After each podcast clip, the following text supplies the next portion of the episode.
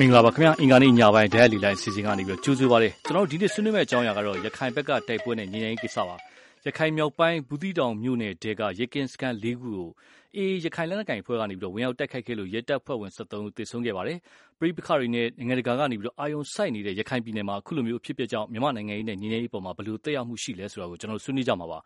အဓိက ပါဝင်ဆွေးနွေးမယ့်သူတွေထဲမှာ လွှတ်တော်ကိုယ်စားလှယ် ဦးဖေတန်းရှိပါတယ် ANP ပါတီက CC တူလည်းဖြစ်ပါတယ် နောက်တစ်ခုကတော့ မကြခင်ကပဲဒီအဲ့ဒေတာကို သွားသွားပြီးတော့သတင်းယူခဲ့တဲ့ကျွန်တော်တို့ VU သတင်းတောက်အခုကျော်ကျော်သိန်း ရန်ကုန်မြို့ကနေပြီးဆွေးနွေးမှာဖြစ်ပါတယ် နောက်တစ်ခုကတော့ ကျွန်တော်တို့ VU စတူဒီယိုတွေကမှ ရှိပါတယ် ကျွန်တော်တို့ VU ရဲ့ editor တူဖြစ်တဲ့ ဦးကျော်စံတာဖြစ်ပါတယ် သုံးလုံးလေးလိုင်းပေါ်မှာရှိပါတယ်ခင်ဗျ ကျွန်တော် အရင်ဆုံး ဦးဖေတန်းကို ဖိတ်ခေါ်ချင်ပါတယ်ခင်ဗျ ဟုတ်ကဲ့ ကြားပါတယ်ဟုတ်ကဲ့ဦးဖေတန်း အခု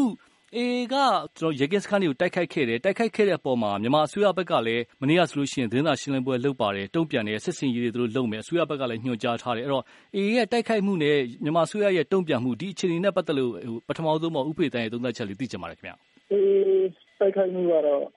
ဒီနေ့ထဲမှာဒီကြားရကြဖြစ်နေရတာစပြီးတော့ အခုချိန်မှာတော့ဒေသခံလေးခုကိုကြိုင်နဲ့တိုက်ခိုက်တဲ့အဆင့် ရောက်ရှိလာတာပေါ့ အဲ့ဒီပေါ်မှာ မနေ့ကပဲ တာဝန်ရှိရဲ့ စစ်ကောင်းဆောင်တွေတာမီခံပုဂ္ဂိုလ်သမရအပါဝင်ပေါ့နော်သူတွေ့ကြတဲ့အထက်မှာသမရရဲ့ဒီပြောရေးဆိုခွင့်ဒီဥကျော်ဖြစ်ရဲ့ပြောကြချက်ပေါ်မှာတော့ကျွန်တော်တို့ရခိုင်တွေကတက်ပြီးပုံဝင်နဲ့ချက်ချရပါတယ်အဲဘာလို့လဲဆိုတော့ဒီမှာသူပြတဲ့အချက်မှာပေါ့ဒါရခိုင်ပြည်သူတွေကိုပြိပေးတဲ့ပုံစံမျိုးတက်ပူပြီးတော့နော်ရှင်းချောက်တဲ့ပုံစံမျိုးဖြစ်ဒီခိုင်ပြည်တွေကအေကိုထောက်ခံတာကိုရက်တဲ့လို့ရက်တမ်းဖို့ရက်တမ်းကရက်တမ်းဖို့လို့ဒီဆိုပုံစံမျိုးဟိုတုံ့နှုံထားတာကြား တာပေါ့အဲ့ဒီပုံမှာတော့အဲ့လိုစိတ်မကောင်းဘူးအဲ့ဒါကပွဲစည်းဆိုတာကတော့တိုင်းသားလက်နက်ကိုင်ပွဲစည်းဆိုတာဒီအကုန်လုံးဒေတာနိုင်ငံလုံးမှာရှိကြတာပါအဲ့ဒါနဲ့ကျွန်တော်တို့သိရတော့တော့တစ်ခါမှပြည်သူအဲ့ဒီပွဲစည်းရဲ့တိုက်ခိုက်မှုကမူတည်ပြီးတော့ပြည်သူကအဲ့လိုဖိအားပေးတာချင်းချောက်တာမျိုးကျွန်တော်တို့မသိရပါဘူးဒါကတော့သူရှာချာအ ပြည်သူတွေအတွက်ဒီဘက်ကိုခိုက်သူတွေချက်ပူရပြည်သူကိုပြိပေးရအဲတိုက်ခိုက်သူတွေနဲ့ဟိုထောက်မခံရဲအောင်ပြီးပြီးတဲ့အနေနဲ့ပြောတယ်လို့ကျွန်တော်တို့ဟိုမြင်ရပါလားအေးရဲ့တိုက်ခိုက်မှုနဲ့ပတ်သက်ပြီးတော့ရိုးဒီကမှာငကွာရမတင်မြင်ဖြစ်နေတဲ့အထက်မှာဒီတိုက်ခိုက်မှုကတိုင်းသားအချင်းချင်းလက်နက်ကိုင်ချင်းချင်းဖြစ်လာတဲ့ဒီငင်းချိုင်းလမ်းကြောင်းကိုမရောက်တဲ့တစ်ဖက်ကတမလို့တစ်ဖက်က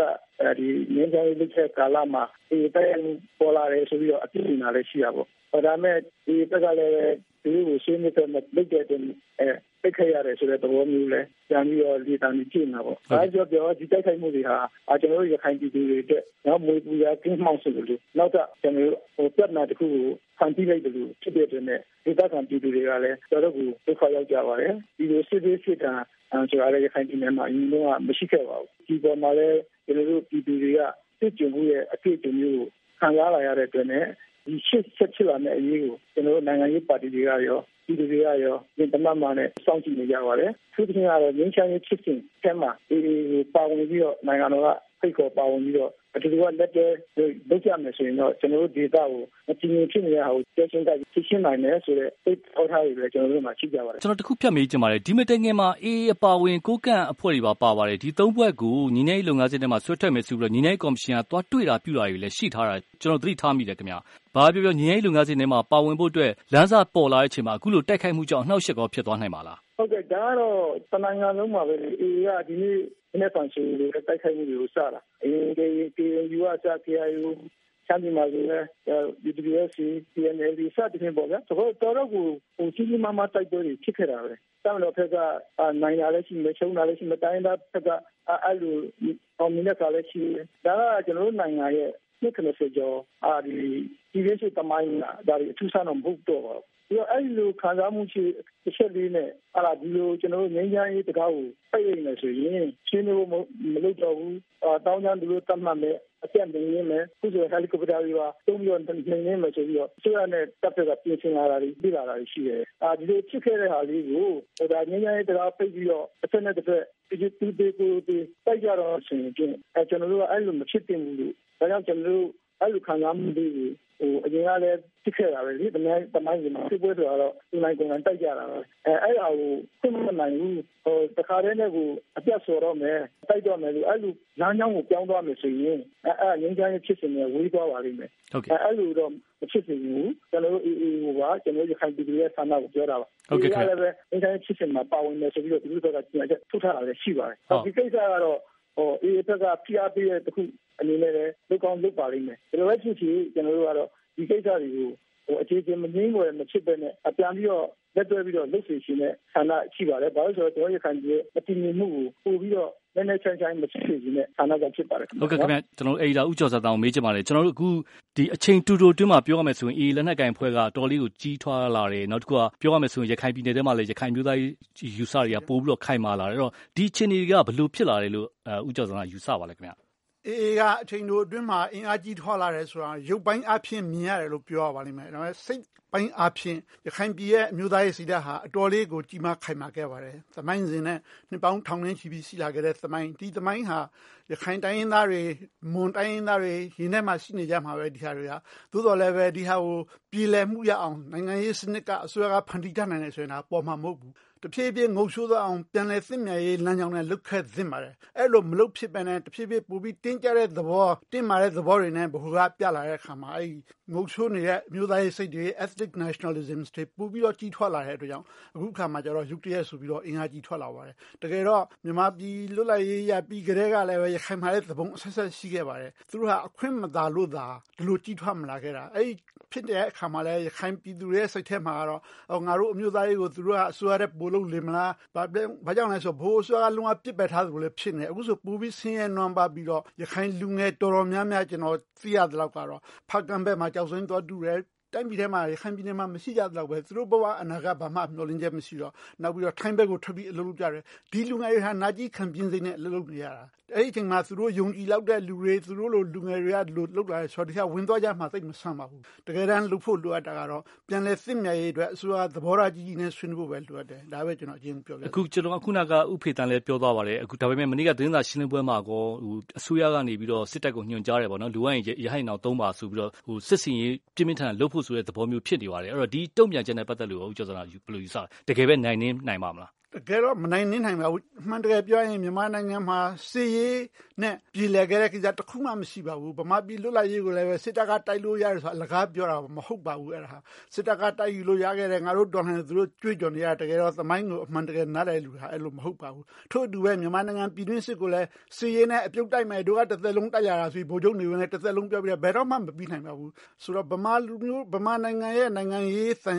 သံတရားမှာ ဘယ်လိုဖြစ်နေလဲဆိုတော့စိစံမဲ့ညှိနှိုင်းမယ်ဆိုရင် အပေါ်စီးရမှစီးရေးအဖြစ်အပေါ်စီးရမှ လက်လင်ချိုးပြီးစပွဲခေါ်ဆွေးနွေးခြင်းနဲ့ဆိုတဲ့ စိတ်ဓာတ်က ရှိနေပါတယ် အခုလည်းပဲ ပို့ပြီးတော့ လက်လင်ချိုးနေမှာကဘူး ရိုက်ပြီးတော့ကို ဆွေးနွေးဖို့ ခေါ်သူဖြစ်နေဆိုတော့ အပေါ်စီးရဖို့အတွက် ဒီဘက်ကလူသလို ဟိုဘက်ကလည်း ကြိုးစားမှာပဲ အပေါ်စီးရအောင် သူတို့လည်း အခုနေမြေတွေထုတ်ဖောက်ဝင်လာတယ် သူတို့အပေါ်စီးရအောင် သူတို့လှုပ်လာကြတာပဲ ဒီငန်းဆို ဘယ်တော့မှ ပြည်လည်မှာ မဟုတ်လို့ ထင်ပါတယ် တကယ်တော့ နှစ်ဖက်နိုင်ငံရေးအဖြစ်ပြည်လည်အောင် ဆွေးနွေးအဖြေရှာဖို့ အရေးကြီးပါတယ် ဟုတ်ကဲ့ခင်ဗျာကျွန်တော် ကိုကျော်ကျော်သိန်း ဖိတ်ခေါ်ခြင်းမှာကိုကျော်သိန်း ကြားပါလားခင်ဗျာ ဟုတ်ကဲ့ကြားပါတယ် ကိုကျော်သိန်းက အခုဒီလက်တစ်ဖြစ်ခဲ့တဲ့နေရာတွေကိုလည်းတွားရောက်ကြည့်ရှုခဲ့တယ်ဆိုတော့ မနေ့က သတင်းစာရှင်းလင်းပွဲမှာ သမရယုံပြောခွင့်ရ ဦးစောထေပြောသွားတဲ့အထက်မှာ သူတို့ ကြိုတင်သတင်းရသတင်းရတယ်ဆိုရအောင်မှ သိရပါတယ် သတင်းရရဲ့သားနဲ့ အခုလိုတိုက်ခိုက်ခံရတာ အလင်းငိုက်တိုက်ခံခံရတာတေချာပြင်ဆင်မှုမရှိလို့လားဘလို့အခြေအနေတွေ တွေ့ခဲ့ရလဲခင်ဗျာ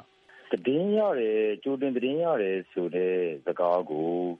ဦးစောထေပြောတာကမှ နောက်ကျသေးတယ်လို့ ပြောရမှာပါ ကျွန်တော်တို့ခီးစဉ်တွင်တွေးဆိုဝင်နေဝင်ရခဲ့တဲ့အဓိကအဖြစ်ရဲမှုချုပ်မြင့်တူပေါ့သူတို့ကလည်းပဲဒီဥစ္စာကိုကြိုတင်ပြီးတော့တင်ရတယ်လို့ပြောပါတယ်ဆိုပြီးတော့ပြင်ထားတယ်လို့လည်းပြောတယ်ပြီးတော့အဲ့ဒီ data ဘက်တွေမှာကအဲ့ဒီ data နဲ့မနီးမွေးနေရတယ်ပေါ့လေဒီမတိုင်ခင်ကလည်းပဲတိုက်ပွဲတွေဖြစ်ထားတာရှိတယ်ဆိုတော့အဲ့ဒီ data တွေမှာလှုပ်ရှားစစ်ကြောင်းတွေရှိပါတယ်ရမတို့မြင့်တိုးရဲ့ဒေါသကအတိုင်းဆိုရင်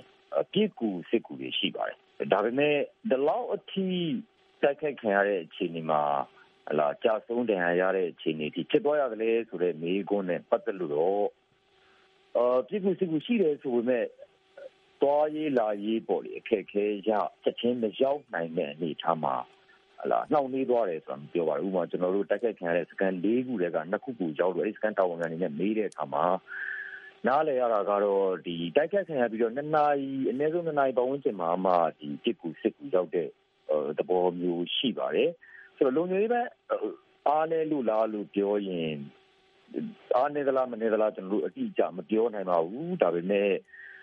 အတိုက်ခိုက်ခံရတာမှာတော့ပြင်းပြင်းထန်ထန်ကိုတိုက်ခိုက်ခံရတာပါအဲတိုက်ခိုက်ခံရတဲ့ပြင်းပြင်းထန်ထန်တိုက်ခိုက်ခံရတဲ့အဓိကအကြောင်းနဲ့ပတ်သက်ပြီးတော့လည်းပြောရမှာတော့ဟလာလူဝင်ကအစမတန်ကာလွန်နဲ့လက်နဲ့အင်အားလက်နဲ့ကြီးလက်နဲ့ငယ်အင်အားအစမတန်တာလွန်တဲ့အတက်ဒီလိုဖြစ်ရတာပါလို့ဟောအဲ့ဒီလိုမျိုး အကြောင်းပြချက်မျိုး ကျနော်တို့ ကြားခဲ့ရပါတယ်ခင်ဗျ။ဟုတ်ကဲ့ အခုတိုက်တဲ့ကိစ္စနဲ့ပတ်သက်လို့ရော AA နဲ့ပတ်သက်လို့ရော ရခိုင်လူထုရဲ့ သဘောထားကရော ဘယ်လိုများရှိပါလဲခင်ဗျ။ရခိုင်လူထုရဲ့သဘောထားလို့ ပြောမယ်ဆိုရင်တော့ ကျနော်ကိုယ်တိုင်က ရခိုင်လူထုများရာစုကြီးနဲ့ တွေ့ပြီးတော့ မေးခွန်းရခဲ့တာတော့ မဟုတ်ပါဘူး။ကျနော် ပထမဆုံး အနီးကပ်ဆုံးပြောချင်တာက ကျနော်တို့ ပထမဆုံးသွားခွင့်ရခဲ့တဲ့ အတိုက်ခိုက်ခံရတဲ့ စခန်းတခုဖြစ်တဲ့ ကထီးလှ ရဲကင်းစခန်းပေါ့။အဲဒီ ကထီးလှ ရဲကင်းစခန်းကို ကျနော်တို့ ကြည့်ရှုပြီးတော့ပြန်အဆင်းမှာအဲဒီအောက်မှာရွာရှိပါတယ်။အဲဒီရွာတွေကနေကျနော်တို့ဖြတ်ပြီးတော့အပြန်မှာ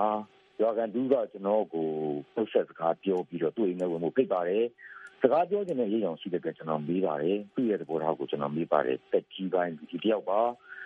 ကျွန်တော်တို့ကိုအဲ့ဒီစကားပြောချင်တဲ့စံတာနဲ့ပြောပါတယ်သူ့ကိုကျွန်တော်မေးတဲ့အခါမှာတော့သူတို့က အခုဖြစ်တာကြောင့်မို့လို့သူတို့လုပ်ငန်းကိုင်ငန်းတွေတက်တယ်သွားရေးလာရေးတွေတို့ကူသွားလို့မရဘူးဒီရွာမှာသူတို့နှစ်ပေါင်းများစွာနေလာကြတာကနေပြီးအခုဆိုဒီတက်ပိုဆိုးလာရင်ဒီရွာကနေပြီးတော့ဟလာရွှေ့သွားဖို့အထိတောင်မှစဉ်းစားတဲ့လူတွေရှိတယ်ဒါပေမဲ့အချိန်ကြီးကိုတော့စောင့်ကြည့်နေတယ်သူတို့လုပ်ငန်းကိုင်ငန်းတွေပြတ်တယ်အဲ့တော့သူတို့ကတော့သူ့ရဲ့သူတယောက်တည်းရဲ့အမြင်ရသူပြောတာအရသူကတော့ဒါမျိုးရင်ဖြစ်ချင်ဘူးနင်းနင်းချမ်းချမ်းနဲ့ရှိချင်တယ်အေးချမ်းချမ်းနဲ့ရှိချင်တယ်ဆိုတာမျိုးပြောပါတယ်အဲ တစ်ဖက်ကရခိုင်လူထုများစုကြီးရဲ့သဘောထားလို့ကျွန်တော်ရေပုံရပြောနိုင်တာကတော့ကျွန်တော်မေးမြန်းသိရှိခဲ့ရတဲ့လောက်ကတော့အော်ရခိုင်ပြည်နယ်မှာလူတော်များများလို့ကျွန်တော်ဒီလိုသုံးသပ်ရမယ်ကျင်ပါတယ်သူတို့ကဒီအေးအေးအပေါ်မှာထောက်ခံမှုရှိတယ်လို့ယူဆလို့ရပါတယ်တခါရရင်ပြောမယ်ဆိုရင်လည်းပြောခွင့်ရဦးစောထေးရဲ့သတင်းစာရှင်းလင်းပွဲမှာ မထောက်ခံကြနဲ့လို့ပြောတာကိုကထောက်ခံမှုရှိနေတာကိုပြတယ်ဆိုတော့သုံးသက်ချက်မျိုးလဲကျွန်တော်ကြားခဲ့ရပါတယ်ဗျဟုတ်ကဲ့ခင်ဗျကျွန်တော်ကျေးဇူးပါလေးလိုင်းပေါ်မှာကုကျော်သိန်းဦးဖေတန်ခဏနေပြီးပါအောင်ခင်ဗျကျွန်တော်တို့ရှိတူဖိတ်ခေါ်ခြင်းပါတယ်ကိုတက်ခိုင်ကိုတက်ခိုင်တူတူဆွေးနွေးမြင်မြန်လို့ရပါတယ်ခင်ဗျအေး ပိုရခိုင်လူထုရဲ့ထောက်ခံမှုတော့တော်တော်များပုံပေါ်လောက်တယ်ကြ။အဲကြောင့်ဒီလွတ်တော်အမတ်တွေနိုင်ငံရေးပါတီက ANP ကခုနမှညချက်ထွက်လာတယ်ဒီအေးပိုထောက်ခံနေဆိုရဲဟာတိုက်ရိုက်မပြတာမှအေးပိုမဆိုင်ချင်ဘူးမကန့်ကွက်ဘူးပေါ့ဒီအာဆာနဲ့ပူပေါင်းတာမဟုတ်ဘူးပေါ့ဒီဒီအစိုးရဒီဥစောထေးရဲ့ဖြည့်ချင်းချက်တွေကိုသူတို့ကန့်ကွက်ထားတယ်ပေါ့လေဒါအေးဟိုအပြတ်တိုက်မဲ့ဘာညာအဲ့လိုမျိုးပြောနေတာကြီးပိုးပြီးတော့မီးပွားကိုရှိတယ်ပေါ့လေအဲ့လောက်ထိတော့မကနိုင်ဘူးလူမျိုးဒီ Facebook မှာဆိုရင်တော့ရှော့တက်နေကြတာအဲ့ဒီတင်းတလာပြီဆိုလို့ချင်းအဲ့ဒီဒီဟာဖြည့်ချင်းမှုကတော့ဒီလက်နစ်လက်နစ်ဂိုင်းလမ်းစဉ်ကြီးကလုံးဝမဆင်မပြေနိုင်ဘူးပေါ့လေအဲ့ဒီဒီအစိုးရဘက်ကလည်းပဲအခုလိုမျိုးပြောနေဟိုရခိုင်လူလူကိုမထောက်ခံမှန်းပြောနေလေရခိုင်လူလူကဟိုကိုပိုးပါလို့ဖြစ်မှာပဲအဲ့ဒီဒီကိစ္စဟိုဟိုထပ်ပြီးမီးမပွားကြလို့ရှိလို့ချင်းဟိုနာမနောက်ကျော်ဒါနဲ့ထိုးတာအဲ့ဒါကြီးထပ်မပြောနဲ့ကိုကသာကိုထိတ်တိုက်ဆွေးနွေးသွားတယ်လည်းအဓိကပဲဖြစ်မယ်လို့ထင်နေကြဟုတ်ဟုတ်ကဲ့ခင်ဗျာကျေးဇူးပါဒီနေ့ကတော့မဖြစ်နိုင်တော့ဘူး ဦးကျော်စံတောင်ကို မေးချင်ပါတယ် ခုနပြောမယ်ဆိုရင်တော့ဥဖေသန်းပြောလက်စပါပဲ ရခိုင်ပြည်နယ်ကိစ္စက ဒီတလောကပဲ ရိုဟင်ဂျာကိစ္စတွေပါကြီးနဲ့ နိုင်ငံတကာရေးအာယုံစိုက်တာလည်း ခံနေရတဲ့အချိန်ဒီပြဿနာတောင်6တောင်လည်း ကြုံနေရတဲ့အချိန်တွေမှာ အခုလို ပြဿနာမျိုး ကြုံလာရတယ်အေးကိစ္စမျိုး ပေါ်လာပြီဆိုတော့ နိုင်ငံရေးရငြိမ်းချမ်းရေးရ impact တွေပေါ့နော်ရိုက်ခတ်မှုတွေ ဘယ်လောက်ထိ ကြီးမှဖြစ်လာနိုင်ပါလဲခင်ဗျာအင်တန် ဆိုးရတဲ့ impact တွေ ဖြစ်လာနိုင်တယ်လို့ ထင်ပါတယ် စကြရဲကသူတို့ကလေးလာခွဲ အပြစ်ခတ်ရစေး